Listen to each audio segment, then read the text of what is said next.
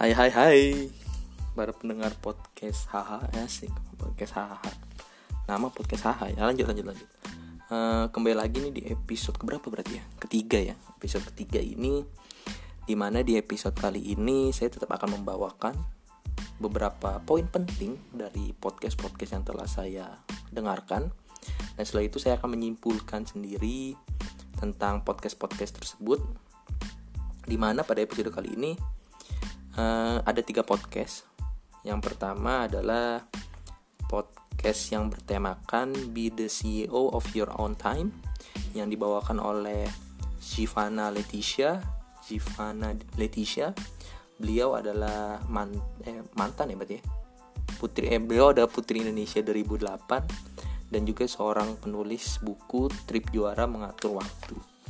Dan di tema yang kedua yaitu bertemakan cognitive flexibility yang dibawakan oleh Ernest Prakasa. Beliau adalah seorang uh, stand up komedian, seorang komedian, seorang sutradara juga, seorang aktor juga, ya intinya seorang seniman lah ya. Kemudian di yang tema yang terakhir yang ketiga yaitu uh, bertemakan salah jurusan yang dibawakan oleh Tompi. Beliau adalah seorang penyanyi, seorang dokter, uh, ya, intinya seorang seniman dan seorang dokter. So stay tune terus dengarkan terus tema-tema ini karena tema ini sangat uh, apa ya relatable terhadap kehidupan kita sebagai seorang pekerja atau seorang pelajar. So jangan sampai ketinggalan ya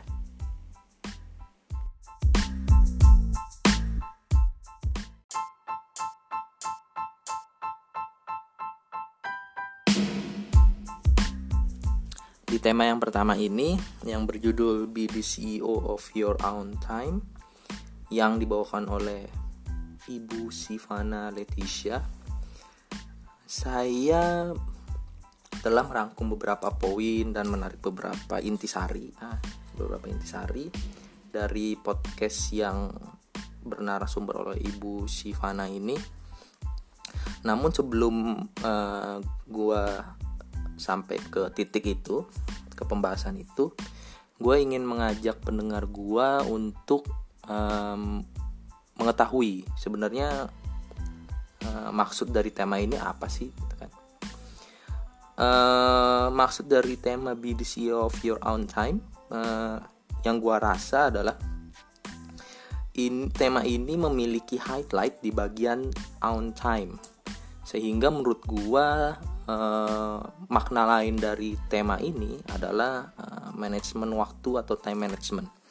Dan kalau kita lihat, kita lihat lagi nih, kita lihat arti atau apa sih sebenarnya time management? Manajemen waktu itu apa sih? Di awal sesi, gue pasti selalu uh, going to a definition ya, untuk kita lebih bisa uh, menggambarkan tema yang ingin dibahas. Menurut mindtools.com, time management is the process of organizing and planning how to divide your time between specific activities. Jadi, yang bisa gue simpulkan dari pengertian tersebut adalah uh, proses mengorganisasikan atau memilah, merencanakan bagaimana waktu yang lu punya nih dari 24 jam itu lu bagi untuk beberapa task-task atau aktivitas-aktivitas pekerjaan yang lu harus lakukan di hari itu. Gitu kan. Nah di podcastnya yang Ibu Zivana Leticia ini, beliau mengatakan bahwa poin utama dalam uh, time management atau manajemen waktu itu uh, adalah self management dan energy management. Jadi bukan kita uh, membagi waktu secara hmm, pengertian kasar atau pengertian awam tetapi time management lebih ke arah self management dan energy management di mana kita memanage diri sendiri dan juga memanage energi kita untuk melakukan uh, certain task atau task-task tertentu ya pekerjaan tertentu. Beliau juga mengatakan bahwa dalam manajemen waktu itu dalam waktunya sendiri itu dibagi menjadi empat waktu di mana yang pertama adalah contracted time yaitu di mana waktu-waktu yang sudah diporsikan untuk pekerjaan-pekerjaan tertentu.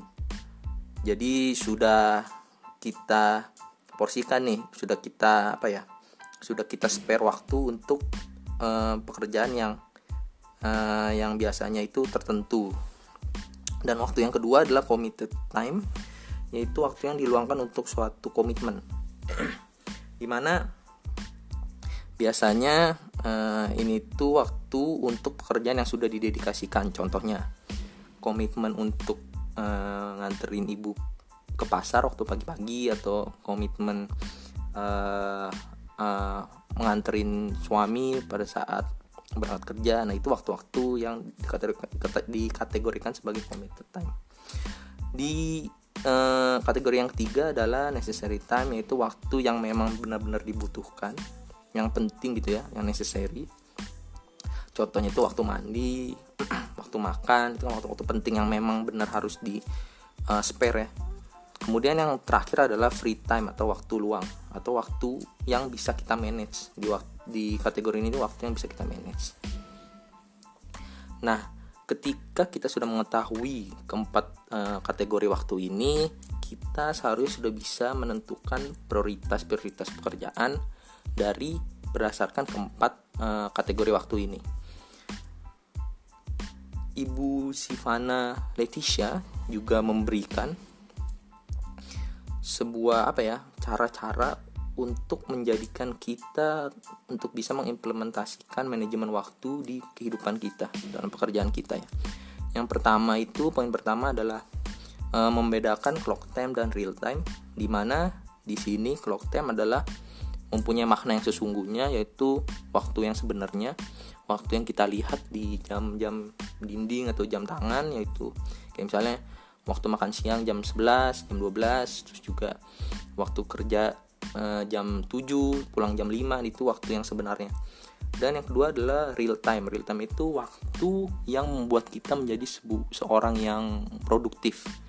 Misalnya contoh uh, Ibu Sivana memberikan contoh uh, di jam istirahat misalnya. Jam istirahat misalnya let's say jam 12 sampai jam 1 kemudian itu clock time ya jam 12 mulai jam 1 berakhir. Nah real time nya misalnya kita makan sendiri itu nggak e, bisa jadi nggak satu jam kan. Bisa jadi hanya 15 menit. Nah real time kita istirahat yaitu dari jam 12 sampai jam 12.15 let's say. Nah itu yang disebut sebagai real time. Waktu produktivitas kita dalam mengerjakan sesuatu. Kemudian uh, poin yang kedua adalah planning atau merencanakan uh, segala sesuatu pekerjaan atau aktivitasnya. Jangan dibuat menjadi sebuah hal yang dadakan. Dan planning atau rencana itu juga harus berdasarkan prioritas kita. Nah, mungkin kita akan bertanya gimana cara kita menentukan prioritasnya di samping berdasarkan empat kategori waktu yang tadi ya. Nah, Ibu Zivana memberikan uh, jawaban atau kuncinya yaitu dengan melis pekerjaan-pekerjaan apa aja yang harus dikerjakan beserta deadline-nya.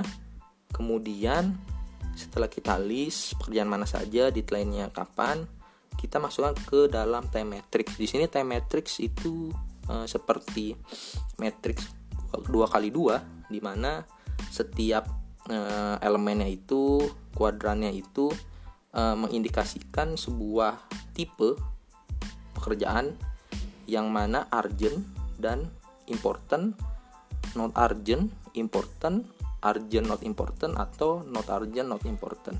Ketika kita sudah bisa memasukkan setiap list pekerjaan dan deadline itu ke dalam time matrix kita akan lebih mudah untuk menentukan prioritas mana yang harus kita kerjakan di satu hari itu kemudian mungkin kita setelah mengetahui bahwa gimana kita mengset produktivitas itu eh prioritas kita itu kita bisa menarik kesimpulan bahwa sebenarnya time management itu penting dan uh, returnnya atau hasilnya resultnya itu adalah sebuah produktivitas dalam pekerjaan. Kemudian uh, yang mungkin uh, melintas di pikiran kita pertanyaan gimana caranya dalam implementasi pekerjaan ya? Kan itu ada tujuh hari misalnya. Gimana caranya kita memanage atau mengatur supaya uh, tetap produktif di saat-saat waktu yang tidak kita inginkan? Nah, salah satu caranya yang Ibu Sivana sampaikan adalah dengan cara kita mencari hal atau sesuatu yang kita sukai di kegiatan-kegiatan tersebut atau di rutinitas kita. Even very small thing itu sangat berdampak uh, besar bagi keseluruhan uh, rutinitas kita. Dan at least jika kita tidak menemukan hal kecil yang membuat kita uh, suka atau membuat kita charging our energy, our spirit, at least we add some activities into the routine. Artinya kita menambahkan aktivitas kecil aja yang membuat kita semangat untuk menjalani rutinitas kita. Nah, itu salah satu apa ya? Uh, kunci atau jawaban yang menurut saya sangat uh, bagus ya, sangat uh, applicable. Dan itu memang uh, realitinya seperti itu gitu. Kemudian beliau juga di akhir sesinya Ibu Sivana juga menyatakan bahwa me time atau apa ya waktu untuk beristirahat untuk relax itu sangat penting. Khususnya untuk mencharge energi kita untuk menjalankan rutinitas seperti biasanya. Baik lagi seperti podcast episode sebelumnya bahwa relax time is is important is do important. And you have to make that time to be your priority bukan sebagai waktu sisa. Nah di pod podcast bertemakan uh, Be the CEO of Your Own Time, saya rasa uh, makna yang bisa diambil adalah uh, manajemen waktu atau time management time management dalam kehidupan kita selama satu kali 24 jam itu uh, sangat penting terutama untuk produktivitas kita. Tapi produktivitas itu bukan bukan sebuah alasan untuk kita melupakan waktu uh, istirahat atau waktu rileks kita. Beri, uh, sekian tema pertama kita. Uh, saya sudah sampaikan, paparkan poin-poinnya dan juga pendapat saya di akhirnya. So once again pendengar setia, pendengar setia, asik banget ya. Ya. Pendengar setia, let we ask you some question Do you agree or disagree? Di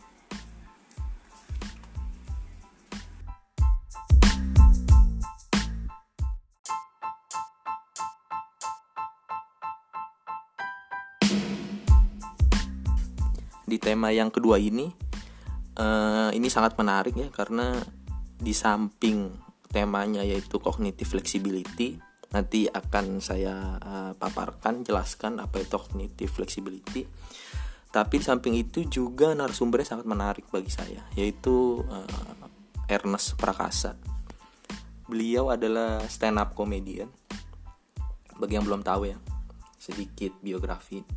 Dia adalah stand up comedian yang sekarang sudah berkecimpung ke dalam dunia perfilman itu menjadi sutradara di beberapa film yang menurut saya itu bagus dan uh, berbeda yaitu film yang dia garap. Pertama adalah Ngenes kedua adalah apa namanya cek toko sebelah dan yang ketiga adalah sudah sinyal. Uh, dan menurut saya film-film tersebut adalah sebuah film yang wow. Bagi saya sebuah film yang bagus untuk seorang sutradara yang baru berkecimpung di dunia perfilman.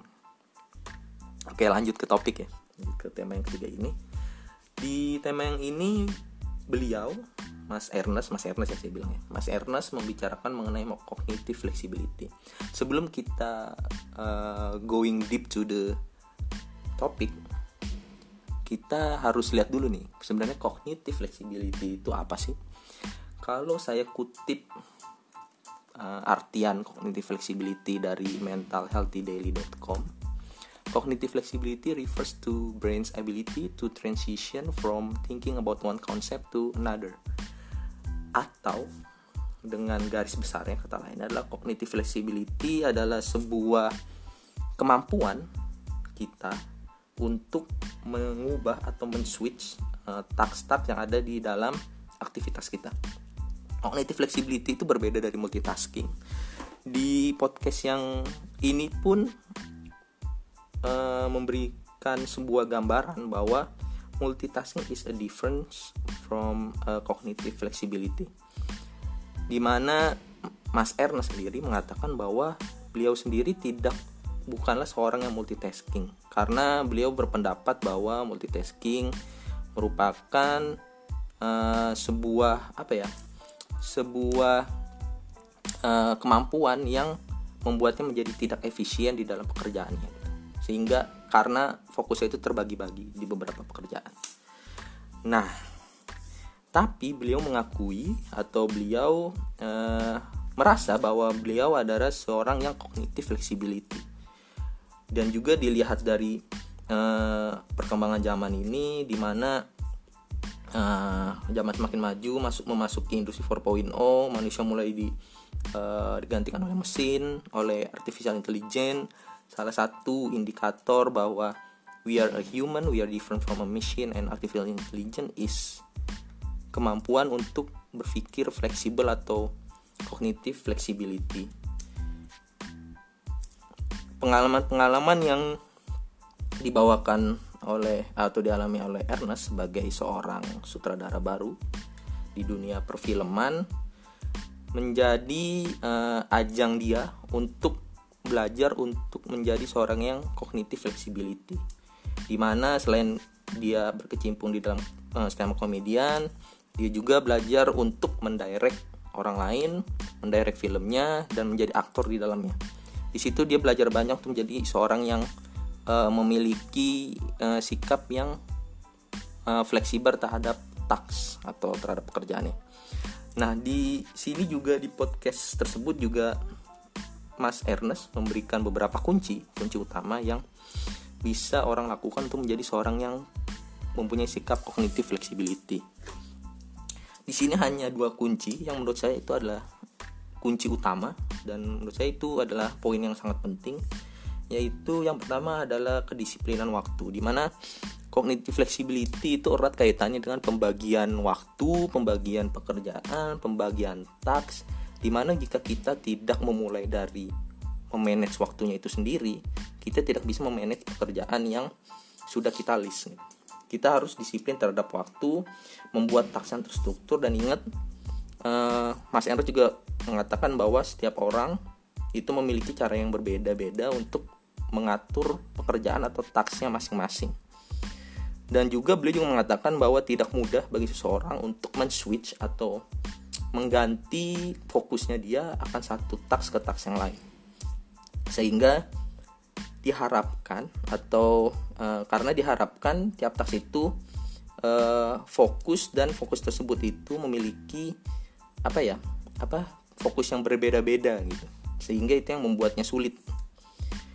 Dan yang poin yang kedua kunci utamanya adalah mencoba untuk mengerjakan lebih dari yang uh, target lebih dari yang diharuskan gitu. Atau seperti yang podcast podcast episode sebelumnya itu disebut juga extra miles ya. Dengan begitu uh, beliau menyampaikan bahwa kita bisa berlatih menjadi seorang yang memiliki kognitif flexibility. Gimana sih itu maksudnya? Maksudnya pada saat kita mengerjakan lebih dari yang diberikan kita akan memiliki kesempatan untuk mencoba ke hal-hal yang baru.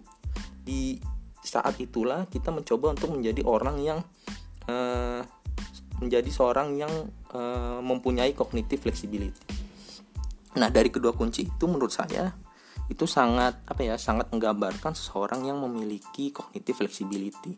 Di mana kunci utamanya menurut saya adalah kedisiplinan waktu dan uh, dari podcast tersebut saya belajar bahwa kedisiplinan waktu itu bisa dilatih dari sejak dini dan itu pun yang dilakukan Mas Ernest kepada anaknya jadi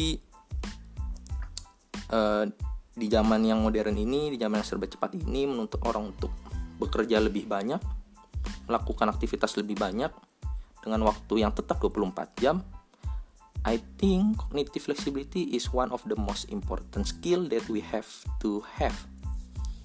So, what do you think, pendengar? Do you agree or disagree?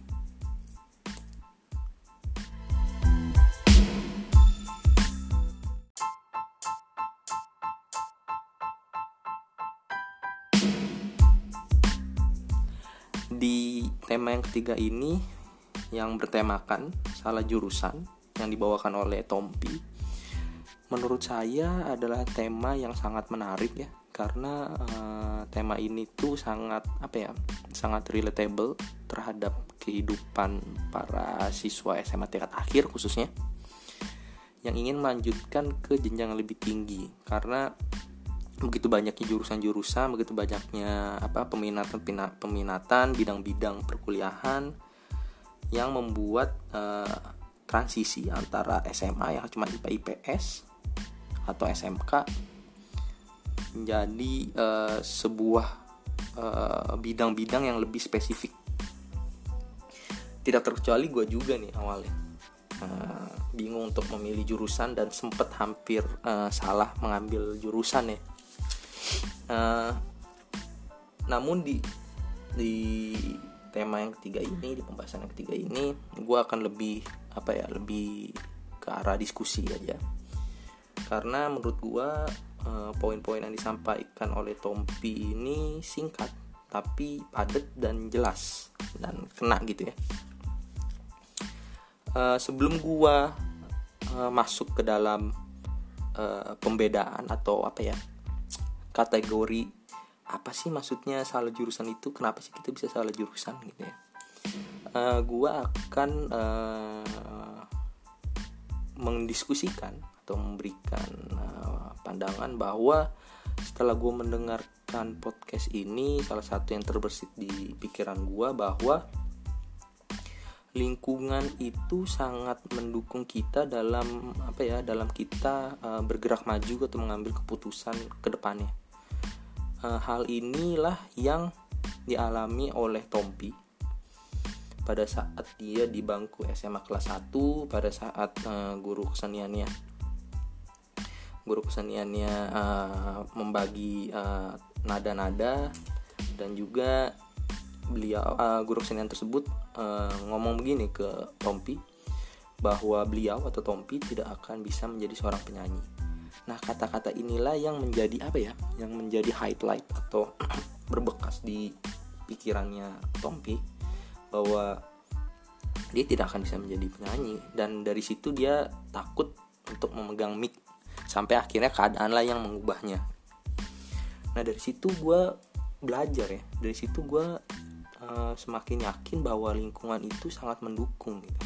Seorang uh, pribadi atau karakter itu terbentuk dan akhirnya uh, membuat uh, masa depan seseorang itu ditentukan dari uh, lingkungan yang ada di sekitarnya. Stimulus-stimulus yang diberikan oleh lingkungan ada di sekitarnya.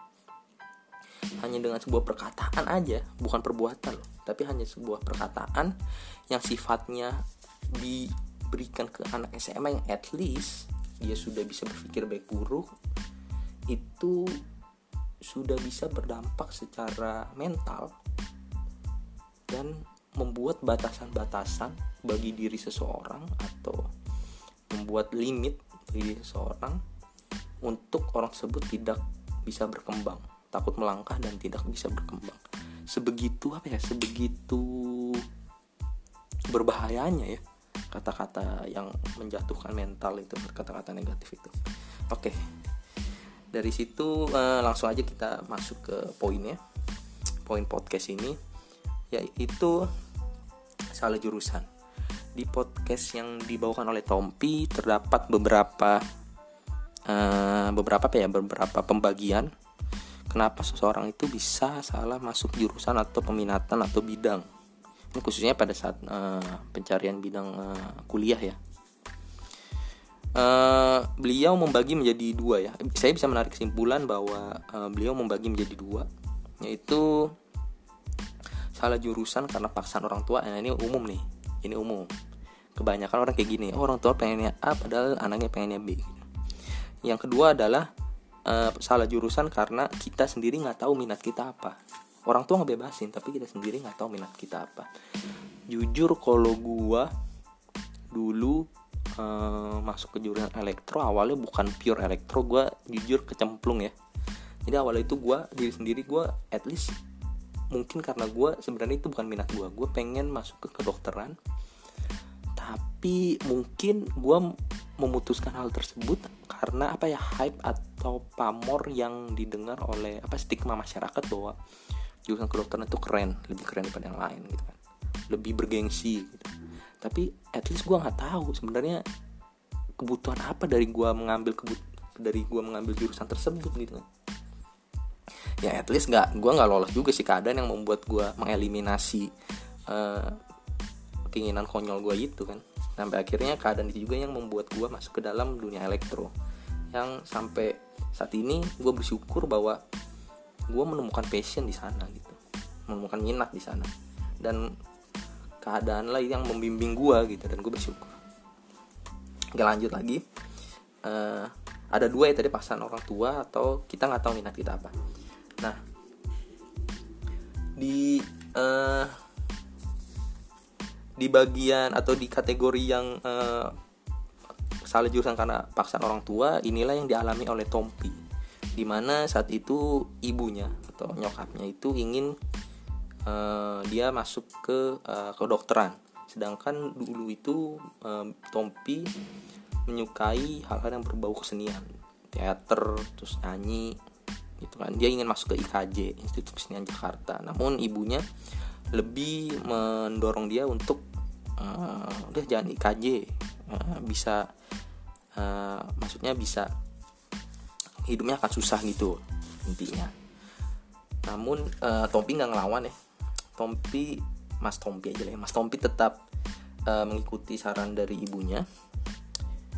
Uh, tapi salah satu cara supaya dia bisa survive dari uh, keadaan salah jurusan itu adalah dengan cara dia membuktikan kepada uh, ibunya bahwa uh, dia juga bisa di jurusan tersebut dan juga dia juga mengapa ya menegosiasikan merundingkan uh, apa hal yang dia suka apa hal yang dia tidak suka kepada ibunya pada saat dia masuk ke jurusan kedokteran tersebut. Salah satu yang dia negosiasikan yang uh, yang dari podcast tersebut adalah uh, bahwa ibunya pengen dia survive di dunia kedokteran sehingga uh, Mas Tompi ini berkomit untuk uh, paling nggak IP dia harus di atas tiga. Dan itulah yang dia lakukan gitu kan. Tapi at least dia bisa melakukan apa yang diinginkan gitu. Tetap uh, berkecimpung di dunia kesenian. Nah dari situ itulah hal yang uh, apa ya menjadi solving problem ya yaitu dengan cara menegosiasikan atau berdiskusikan dengan orang tua tentang irisan apa yang boleh dilakukan irisan apa yang tidak boleh dilakukan gitu kan. Ibaratnya apa ya? Win-win solution lah win-win solution. Kemudian di kategori yang kedua adalah salah jurusan karena nggak tahu minat kita apa. Nah ini juga salah satu yang sering nih. Gue punya pengalaman di mana pada saat gue lagi ngeles ya ngeles waktu dulu ya setelah lulus sih. Lulus S2 ngeles uh, ngeles bahasa Inggris itu persiapan IELTS gue bertemu seorang anak SMA tingkat akhir yang kondisinya itu uh, kondisi pertama dan juga kondisi kedua. Jadi uh, dia dipaksa atau uh, disuruh orang tuanya untuk masuk ke dunia bisnis, ke dunia bisnis, ke mengambil jurusan bisnis. Gitu. Tapi begitu gue tanya itu memang passion lo apa enggak gitu kan? Karena gue tahu nih dia dipaksa, uh, maksudnya itu karena hasil dari uh, orang tuanya gitu kan. Keputusan orang tuanya bukan dari dirinya. Gue tanya itu passion kamu bukan? Sebenarnya minat kamu di mana? Dia sendiri nggak tahu. Jadi at least dia nggak jadi parahnya dia nggak tahu minatnya apa nggak tahu uh, dia sukanya apa passionnya di mana. Jadi dia mau nggak mau mengikuti apa yang diarahkan orang tuanya. At least itu baik pasti baik cuman menurut gue uh, apa ya uh, lu bisa jadi lu uh, melakukan itu dengan tidak senang gitu kan. Lu tidak akan bisa mendapatkan apa esensinya gitu. Dari kenapa lu berada di jurusan itu gitu. Kemudian back to the topic uh, caranya untuk mengatasi kategori yang kedua ini ya yaitu ya lu mau mau lu harus tahu minat lu di mana gitu. Lu harus tahu uh, passion lu di mana lu harus uh, gali passion lu di mana makanya mulai dari uh, sejak dini sejak kecil gitu. Lo harus tahu passion lo di mana dan lo harus tahu jalannya untuk menuju passion atau minat lo itu ke mana gitu. Dan di situ lo baru bisa menentukan jurusan atau bidang lo gitu. Nah di podcast ini juga uh, Mas Tompi secara garis besar memberikan tips supaya kita nggak salah memilih jurusan nih di antara uh, di luar yang tadi itu ya. Di luar kedua kategori itu yang pertama adalah uh, money is not a goal your passion is your goal. Jadi sebenarnya jangan mencari bidang atau jurusan yang lu pengen untuk menghasilkan duit dari sana. Maksudnya gini ketika lu money oriented gitu berpikir bahwa ah gue pilih jurusan ini lah karena gue tahu nih pekerjaannya nanti menghasilkan uang yang banyak gitu gajinya gede gitu.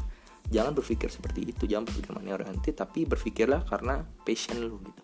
Berpikirlah karena lu hanya ingin mengejar passion lu gitu. Karena uh, gue setuju sama Mas Tompi yang disampaikan di podcastnya bahwa uh, ketika lu berkarya dengan passion lu maka duit itu atau uh, uang itu akan datang dan sendirinya sebagai reward atau penghargaan gitu tapi tetap lu uh, tujuan lu adalah passion lu atau kesenangan lu gitu minat lu gitu.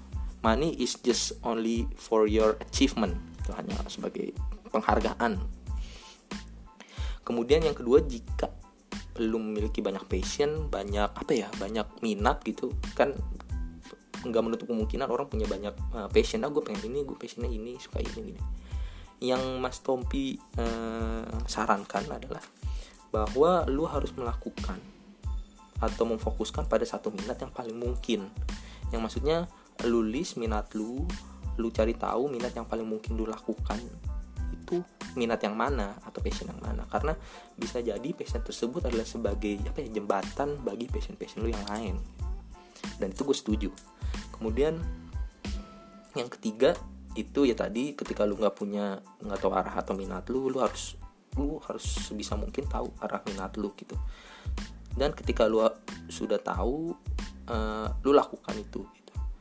kemudian jika lu apa ya uh, salah masuk jurusan nih amit-amitnya salah masuk jurusan dan lu sadar itu di awal-awal di step lu awal semester 1, 2, 3 langsung tinggalkan saja maksudnya langsung kejar passion lu gitu minat lu sebelum lu masuk ke tahap yang paling akhir gitu kemudian jika sudah tidak bisa atau sudah berada di garis akhir gitu sudah mau di garis finish nih itu lu sadar wah ini bukan minat gua nih.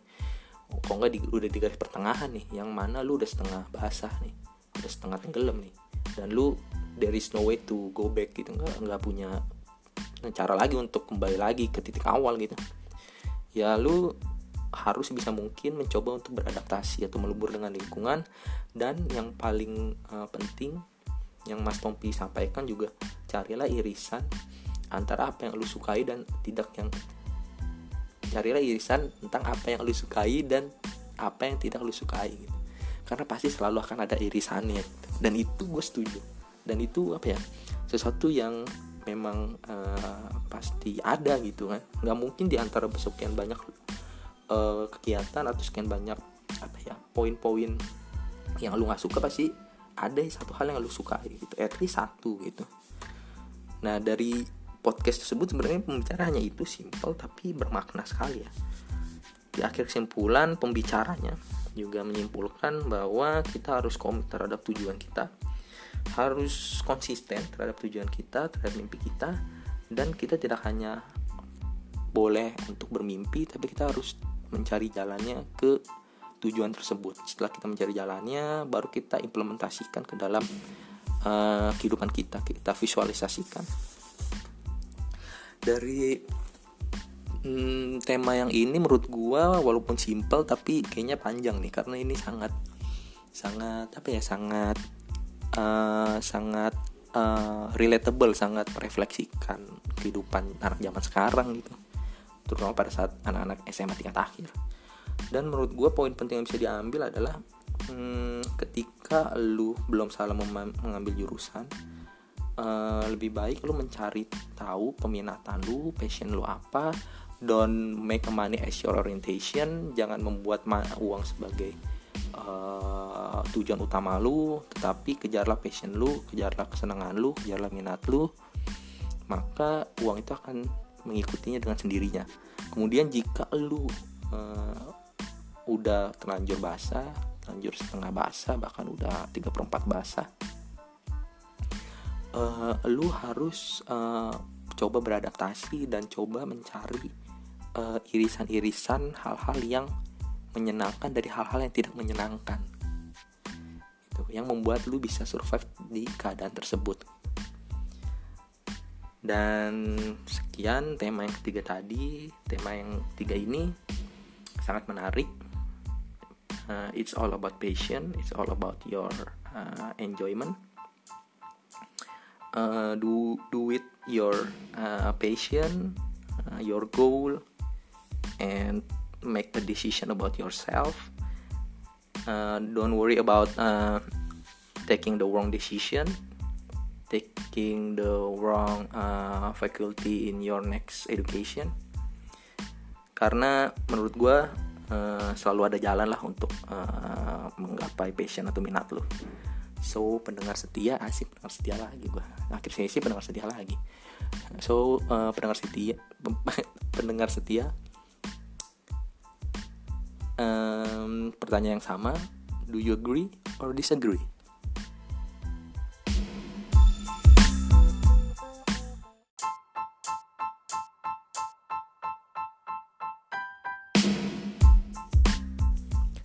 setelah mendengarkan ketiga tema tersebut dengan topik yang berbeda-beda dan narasumber yang berbeda-beda, topik mana nih yang menjadi favorit kalian nih? yang benar-benar apa ya dibutuhkan atau merefleksikan uh, kehidupan kalian saat ini gitu. jangan lupa juga terus uh, pantengin juga episode-episode selanjutnya dan semoga pembawaan saya bisa lebih baik lagi dari episode-episode uh, sebelumnya. Dan uh, yang terakhir jangan lupa untuk bahagia. Dadah bye bye